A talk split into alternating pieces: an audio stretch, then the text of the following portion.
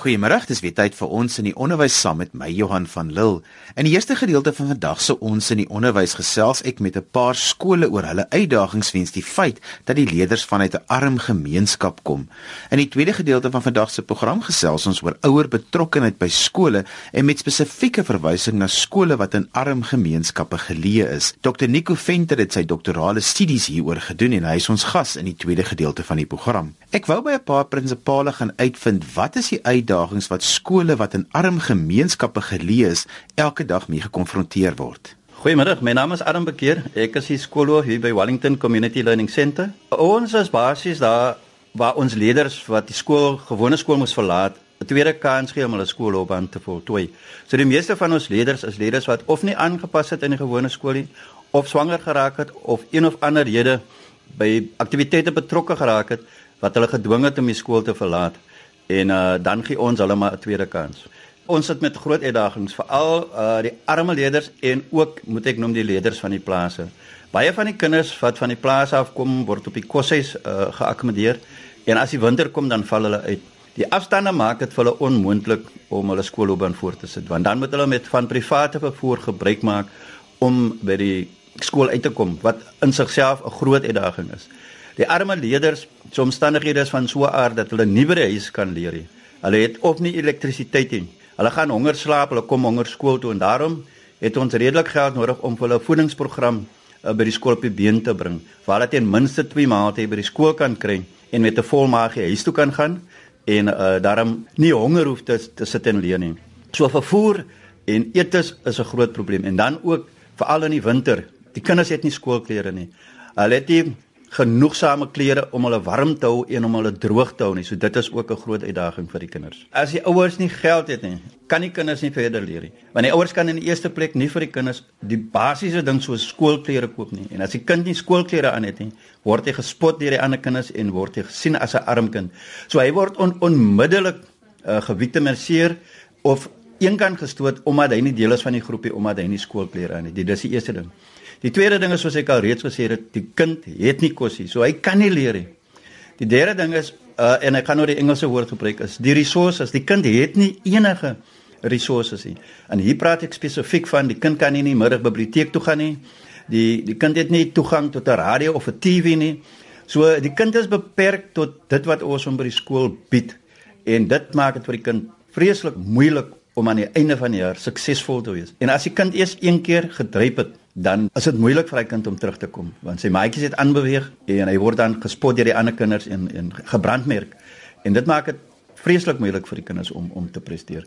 En onthou as hulle by ons kom, het hulle al reeds in die in die gewone stelsel een of twee keer gedryf. So hy is al reeds oor ouderdom al. Hy is al reeds 4 jaar agter vir sy graad. So dit maak dit nogal vir die kinders baie baie moeilik. Ons het besluit om 'n voedingsprogram op die been te bring waar ons dan nou vra vir donasies en ook woeker om geld in te samel om ten minste seker te maak dat die kinders elkeen twee keer 'n maaltyd kry by die skool per dag. En dan het ons ook uh, begin met 'n projek waar ons van die kinders wat beter af is, se ouers te vra om dan nou klere te skenk.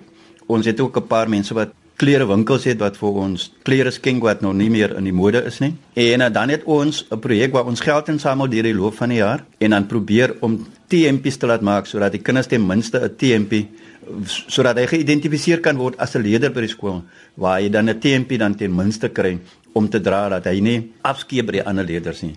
So ons probeer met fondsinsamelings en donasies om ons kinders se eer te herstel en hulle menswaardigheid te laat herstel sodat hulle ook voel hulle is deel en hulle behoort aan. Uh goeiemiddag luisteraars, ek is AB Horizon verbonde aan Soetendal Primêre Skool, dit is 'n landelike skool buite Wellington. Man ons kinders se se omstandighede is is maar eintlik baie swak.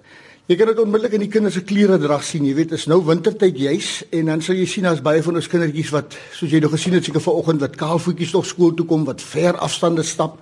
Daar's nie vervoer beskikbaar vir hulle nie. Dit is maar moeilike omstandighede. Jy weet, die ouers se salarisse is maar baie karig as gevolg van 'n tekort aan opvoeding ten opsigte van kinderbeplanning en so aan.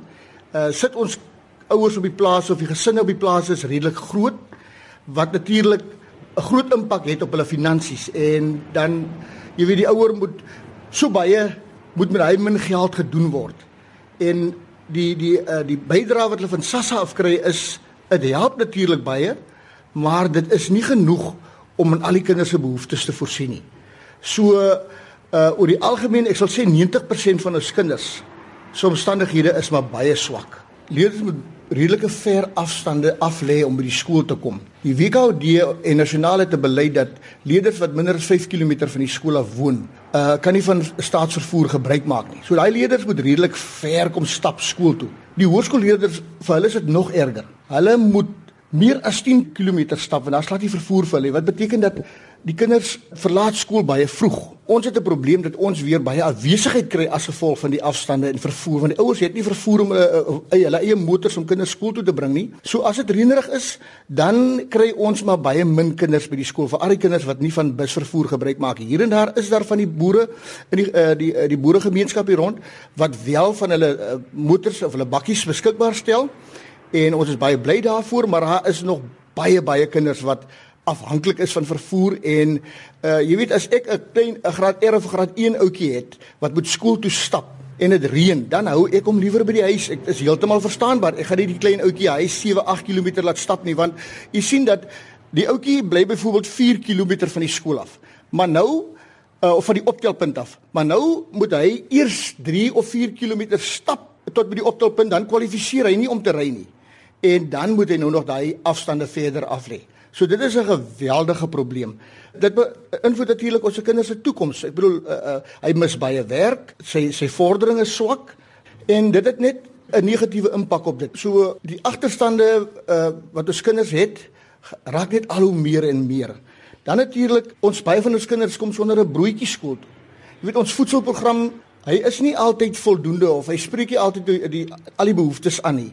So uh Ons kinders kom sit honger hierso wat natuurlik ook 'n geweldige impak het op leer en dan is dit gewoonlik ook dit gaan uh, uh, gepaard met dissiplinêre probleme.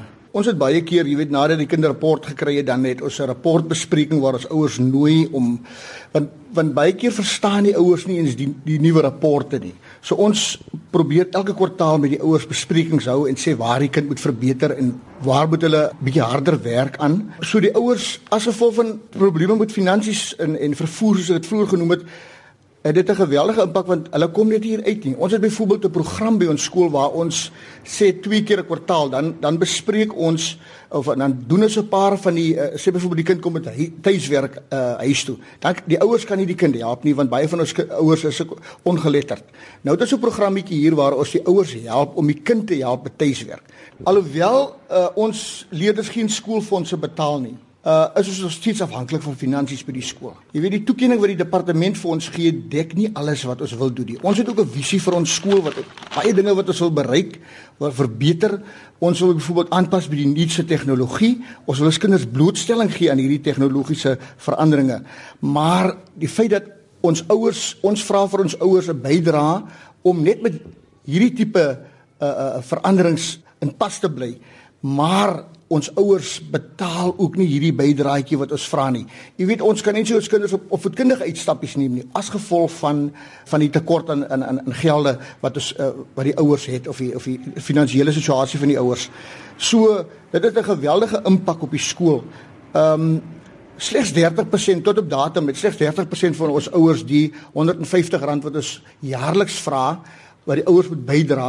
Nou hierdie R150 dek nou goed soos vervoer na sportbyeenkomste toe, vervoer vir uh, of kundige uitstappies en as gevolg van die die swak betaling van die ouers kan ons nie ons kinders blootstelling gee aan al hierdie dinge nie. Jy sien dat die leerders se voorkoms voorkoms gee vir jou selfvertroue.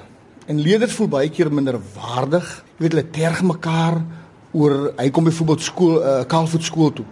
Nou dan terg hulle mekaar en jy weet kinders is soos maar uh, soms baie uh, wreed en hierdie tipe goed het weer gee weer aanleiding dat ons dissiplinêre probleme het by die skool wat baie negatiewe invloed uh, op die kinders se leer het. Ons leerders bly ook baie keer afwesig. Sê byvoorbeeld die skool het 'n funksie, worselletjie verkoop op 'n Vrydag of so. Dan sal hy leerder liefs afwesig bly as wat hy nou skool toe kom en uh die ander kinders sien hy het nie geldjie of hy kan nie 'n bydrae maak nie en dit nou terg hulle mekaar en dit het 'n invloed op die kinders se se vordering en se leer en gee baie dissiplinêre probleme. Het, nou jy weet dat selfvertroue is baie nodig vir ons kinders Juis omdat hulle nou nog van die landelike gebied afkom, gaan hulle met daardie min selfvertroue hoërskool toe word gekonfronteer in die dorp met baie ander probleme. Verlaat die skool vroeg en hulle is terugplaas toe en hulle word gewone arbeiders. Ons gaan maar uit na maatskappye toe, uh organisasies toe en ons kry nogal heelwat skoene en uh byvoorbeeld reënbaadjies, ons het altyd 'n tekort in reënbaadjies omdat ons kinders baie stap. Dit is baie uitdagend om befondsing te kry. Jy sien ons plaaseienaars, daar's baie plaaseienaars wat geweldig baie bydra tot die skole wat regtig ware geweldige verskil maak. Maar as baie plaaseienaars wat regtig apaties staan teenoor die skool, hulle sal as jy hulle nader vir vir vir uh, uh, byvoorbeeld om 'n funksie te ondersteun, dan het, is daar baie van hulle wat vir jou sê jammer, hulle kan nie nou nie, jy weet in uh, soms kan jy nie sien hoekom hulle dit nie kan doen nie, maar ons moet maar aangaan Nou gaan ons na maatskappye toe in die dorp. Nou, ons is 'n landelike skool. As ons by die dorp in die dorp kom by 'n maatskappy, dan sê die maatskappy net vir jou, "Jammer meneer, jy is nie in ons bedieningsgebied nie. Ons het skole in die omgewing hier wat ons moet ondersteun. Ons ondersteun jaarliks so ons kan ongelukkig nie nog vir julle help nie." Ons het natuurlik ook baie funksies. Ons het twee funksies per kwartaal. Onder andere ons sal byvoorbeeld 'n uh, debutantebal hê of ons sal 'n uh, 'n uh, langarm dans het of ons sal verkope het by die skool en so 'n bazaar en so en ons het redelik baie funksies. En ons ouers besef dit ook nie altyd dat hierdie uh gelde wat ons of die funksies wat ons hou is om daai gelde gaan net so in die kinders se toekoms in. Maar ons ouers besef dit nie altyd nie en dan word baie van die funksies baie swak ondersteun. Jy weet die ouers het mos sê die skool wil net hê net geld hê geld hê. Uh maar hierdie gelde word 100% aangewend tot die kinders tot verbetering van die omstandighede by die skool en ook om hulle leer te verbeter en natuurlik om vir hulle beter toekoms te gee. Jy luister na ons in die onderwys saam met my Johan van Lille op RSG 100 tot 104 FM. As jy die eerste gedeelte van vandag se ons in die onderwys gemis het, onthou jy kan weer daarna luister as 'n pot gooi. Laai dit af by rsg.co.za. Dr Nico Venter het sy doktorale studie gedoen oor ouer betrokkenheid by skole. Nico, vertel vir ons in kort waarop het jy in jou teses gefokus? Um, my doktorsgraad het basies gehandel oor hoe om ouers betrokke te kry in leer en veral by landelike multigraadskole wat mos nou maar meestal op plase of in arm gebiede voorkom. Nico, wat is ouer betrokkenheid en wat is die uitdagings vir skole in arm gemeenskappe wat ouer betrokkenheid betref? Ouer betrokkenheid is basies die aktiewe deelname in skool en huisgebaseerde aktiwiteite geïnisieer deur die skool. En in hierdie landelike gebiede is daar verskeie uitdagings wat nie net beïnvloed op die ouers het nie, maar ook op die skole. In skole het ons byvoorbeeld, ek dink die druk van die kurrikulum wat 'n groot rol speel en dan ook die skole het nie altyd die kennis hoe om ouers betrokke te kry nie en hoe om 'n prakties implementeerbare program uh, daar te stel en dan die ouers betrokke te kry en leer nie.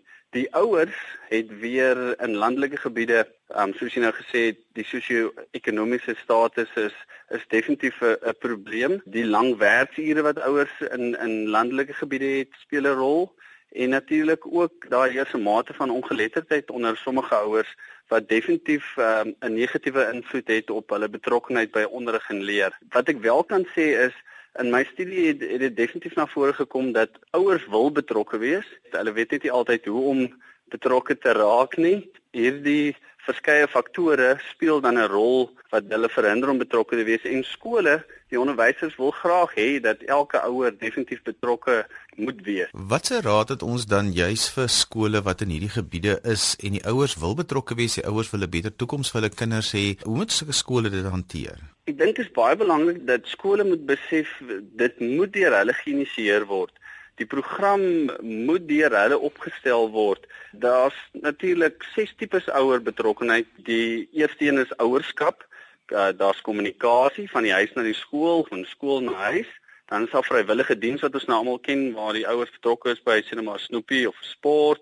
Dan is daar 'n uh, leertuis wat verwag die skool van die ouers om tuis te doen met leerders dan is daar besluitneming waar ouers betrokke is by beheerliggame oor die besluite van die skool. Dan is daar ook samewerking met die gemeenskap om regtig te kyk watse hulpbronne is daar beskikbaar in die gemeenskap om te gebruik en dan is skole veronderstel om 'n program te kan hê wat kontekstueel is. Met ander woorde, daar moet sekere dinge in plek wees uh sodat hierdie skool sy eie kontekstuele program kan ontwerp. In my studie het ek basies bepaal dat daar drie beginsels in so program moet wees. Navorsing het getoon dat ons moet wegbeweeg van die woord ouer betrokkenheid en meer beweeg na skool, gemeenskap en 'n ouer program wat dan al drie insluit. Nou hierdie drie beginsels waarop die program uh, fokus is om vennootskappe te skep tussen ouers en die skool, dan natuurlik op gefokus op onderrig en leer, dan die skep van informele en formele geleenthede vir kommunikasie oor leer en dan ook gebruik van hulpbronne in die gemeenskap en die families se kultuur indigting oor die kultuur wat hulle het om onderrig en leer te bevorder. Nico, so as mense na die drie beginsels kyk, hoe moet 'n skool dit dan implementeer? Vir my studie het getoon dat daar sekere stappe is wat 'n mens moet volg. Uh die eerste stap sal wees om 'n interaktiewe werkswinkel te hou tussen ouers en onderwysers. Daar by die werkswinkel moet dit dan bepaal word wat is die konteks In die konteks bedoel ek um wat is positief ten opsigte van ouer betrokkenheid? Eerstens moet natuurlik verduidelik word wat is ouer betrokkenheid. Dan wat is positief van ouer betrokkenheid tans in die skool en dan ook om te bepaal wat is die uitdagings van ouer betrokkenheid by daardie skool. Dan moet daar bepaal word wat se hulpbronne is in die omgewing. As 'n mens hierdie konteks bepaal het, dan kan jy gaan sit en sê goed, watter praktiese implementeerbare strategieë kan ons nou ontwerp en ek was regtig verstom oor die idees wat ouers na vore gekom het en as daai stap voltooi is dan moet die skool gaan sit en gaan besluit goed hoe gaan ons dit implementeer watter strategie gaan ons implementeer en as jy hierdie stappe volg dan gaan jy by praktiese implementeerbare strategieë uitkom. So dis 'n hele proses van beheer oor waar ons beweeg van 'n beheer oor benadering na beheer na benadering. Waar ons nie net vir die skool sê wat om spesifiek te doen nie, maar waar ons die ouers en die onderwysers betrek om saam te besluit wat gaan ons doen sodat dit spesifiek by ons konteks van die skool inpas. Nico, want dit bly 'n uitdaging om die ouers se persepsie so te kry dat hulle weet hier is die verskillende maniere hoe hulle by die skool betrokke kan raak. Ja, nee, definitief. Ek dink as 'n mens die eerste stap wat 'n mens moet definitief volg is om die ouers en die onderwysers bymekaar te kry. As hulle begin praat daaroor, dan gaan 'n mens definitief tot 'n punt kom waar jy besef dat dit belangrik is vir hulle kinders, vir onderrig en leer en vir hulle toekoms natuurlik. Ons hoor baie keer van hoofde wat sê ek is in die gemeenskap en die ouers kom eintlik net skool toe as daar probleme is. Ek neem aan dit is 'n persepsie wat dan moet verander in hierdie gemeenskappe dat die ouers meer na die skool toe moet kom vir verskillende redes. Ja, nee, definitief. Skole is veronderstel om ouervriendelik te wees. En ek dink as jy uh, deur hierdie stappe gaan om jou program te ontwerp, jy gaan sien dat skole hulle eie strategieë ontwerp wat gaan verskil van mekaar. Ek dink as ek 'n paar voorbeelde dalk kan noem, gaan dit dalk help om te besef watter strategieë skole reeds al begin implementeer het by hierdie landelike skole. Het byvoorbeeld ouer aande het hulle gegaan en en dit verander en gesê goed, maar kom ons aan die begin van die jaar dan bring ons die ouers na die na die skool toe in klasverband saam met die kinders. Hier het ouers byvoorbeeld met hulle kinders gesels oor wat is hulle belangstelling, wat is hulle behoeftes, waarin stel hulle belang en dan het hulle gegaan en, en daai data gebruik en gesê goed, die graad 4 klas is byvoorbeeld is mal oor trekkers. Hulle hou baie van trekkers en gebruik dit binne in jou les. Dan het is daar nog strategieë soos die een skool het besluit om meeste van hulle ouers werk op 'n appelplaas en toe het hulle besluit goed maar kom ons doen 'n les in samewerking met die onderwyser oor die lewensiklus van 'n appel en hulle het begin en beplan aan die les en die ouers is bemagtig om dan die les aan te bied. So hulle die verskillende fasette en verskillende fases het hulle bygewoon en Die een ouer byvoorbeeld doen okulering. Sy doen dit 1000 bome 'n dag. So sy het vir haar kind se klas verduidelik hoe vind okulering plaas. Hulle het byvoorbeeld waar hulle die appels oes, het hulle byvoorbeeld uitgewerk hoe lank of hoe ver stap ouers elke dag en dit het natuurlik by meting by wiskunde uitgekom. Dan het hulle het ouers ook 'n SMS stelsel aangevra wat dan ouers in kennis stel. Elke ouer deesdae het 'n selfoon tot hul beskikking en dan het die skool van die skool se kant af met 'n SMS stelsel die ouers in kennis gestel wat het hulle vandag in die klas gedoen laat die kind dan vir die ouer kant vanaand verduidelik en sê goed ek het vandag dit geleer in die klas selfs um, as die kinders sê nou maar driedimensionele voorwerpe gedoen het ons het vandag byvoorbeeld silinders gedoen laat die kind in die huis wys waar is 'n silinder so om net hulle deel te kry en betrokke te kry by by die leerproses. Ehm um, dan het hulle ook ouers het skool toe gekom om deel te wees van lesse waar byvoorbeeld een van die leerders word deur haar ouma grootgemaak. So sy het skool toe gekom en sy was deel van 'n geskiedenisles om te vertel hoe het dit in die verlede gelyk? Hoe het hulle hulle geld gebruik? Al daai inligting, daai kultuurinligting en die sosiale en kulturele kapitaal wat ouers het, het dan sterk na vore gekom om hulle deel te maak van van lesse in die kurrikulum. Nico, jy het net toe gepraat en jy het gesê mense doen nie die werkswinkel met die ouers sodat hulle ook hulle betrokkeheid in die verskillende tipe maniere waarop ouers betrokke kan wees by die skool kan besef en met daadwerklike strategieë vorendag kom. Waar is dit al geïmplementeer en wat was die sukses geweest? Wel ek het dit in 5 skole geïmplementeer in die Wes-Kaap en dit was regtig baie suksesvol. Uh die terugvoering wat ek gekry het, data wat ek ingesamel het, het definitief getoon dat ouers meer betrokke was en sommige ouers het aangetoon dat hul kinders selfs beter gedoen het in skool en hulle leerderprestasie gestyg het. Wat vir my baie verblydend was in die skole waar ek gewerk het, is dat daar het ouers opgestaan in hierdie werkswinkel en gesê dit was vir die eerste keer wat hulle hulle opinie kon lig oor hoe hulle betrokke wil wees um, by sy kind se onderrig en leer. So as jy daai inligting het en gesels daaroor en daai interaktiewe proses volg met ouers waar hulle regtig deel is, dan koop hulle in in die idee en dan gaan jy hulle baie meer betrokke kry by hulle kinders en hulle gaan ook baie meer voel hulle kan met die onderwyser gaan gesels oor moontlike probleme om saam dan 'n groter rol te speel in in in die onderrig en leer van hul kind. Nico, kom ons raak lekker prakties. Sê nou maar ek is in 'n gemeenskap waar die ouers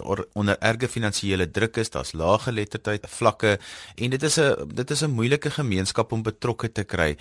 Waar begin ek? Hoe doen ek dit prakties as ek 'n onderwysleier is of ek is 'n onderwyser by so 'n skool? Ek dink as jy die stappe volg en jy bepaal wat se behoeftes en jy bepaal wat se praktiese implementeerbare strategieë 'n mens kan uitwerk, dan gaan jy uitkom by spesifieke gedeeltes wat 'n mens kan doen. Byvoorbeeld, van die ouers het het by hierdie skole besef, luister, hulle is nie goed in in lees nie. So wat hulle gedoen het was om as die kinders die middag huis toe gekom het, het hulle die kinders wat byvoorbeeld leesoefening nodig het na ouer toe gestuur wat goed is in Afrikaans of in Engels of in lees. So van die dan die ander ouer weer gesê maar ek is bereid om hulle te help met wiskunde. Ek is goed in wiskunde. So dan het hulle weer vir hulle gestuur na daardie ouer toe om betrokke te raak by wiskunde byvoorbeeld. So dit is definitief die vennootskap wat geskep word tussen die ouers en die skool is so belangrik om te kan te kan bepaal wat is die regte praktiese implementeerbare strategie wat gebruik moet word. Nico, ons tyd is verby, so 'n laaste gedagte rondom ouer betrokkenheid en hoe 'n mens dit kan optimaliseer in die skool en die gemeenskap waar jy is. Ek dink 'n mens moet be begin deur te besef dat ouers en ouers wil betrokke wees. Mense moet besef dat skole wil ouers betrokke hê en as jy hierdie stappe volg en jy kry ouers en die onderwysers bymekaar, dan begin jy met 'n proses waar jy regtig waar sê ons stel belang in ouer betrokkenheid. Ons wil hê die ouers en die onderwysers moet saamwerk vir noodskap skep en dan gaan jy uitkom by praktiese implementeerbare strategieë waarvoor die skool kan sien en wat inpas by die konteks van die skool. Dis dan alwaar vir ons tyd het vandag. Ons het gesels oor ouer betrokkenheid. By my gas was Dr Nico Venter wat spesifiek sy doktorale studie hieroor gedoen het. Dan my groete kan vir vandag tot volgende Sondag van my Johan van Lille. Totsiens.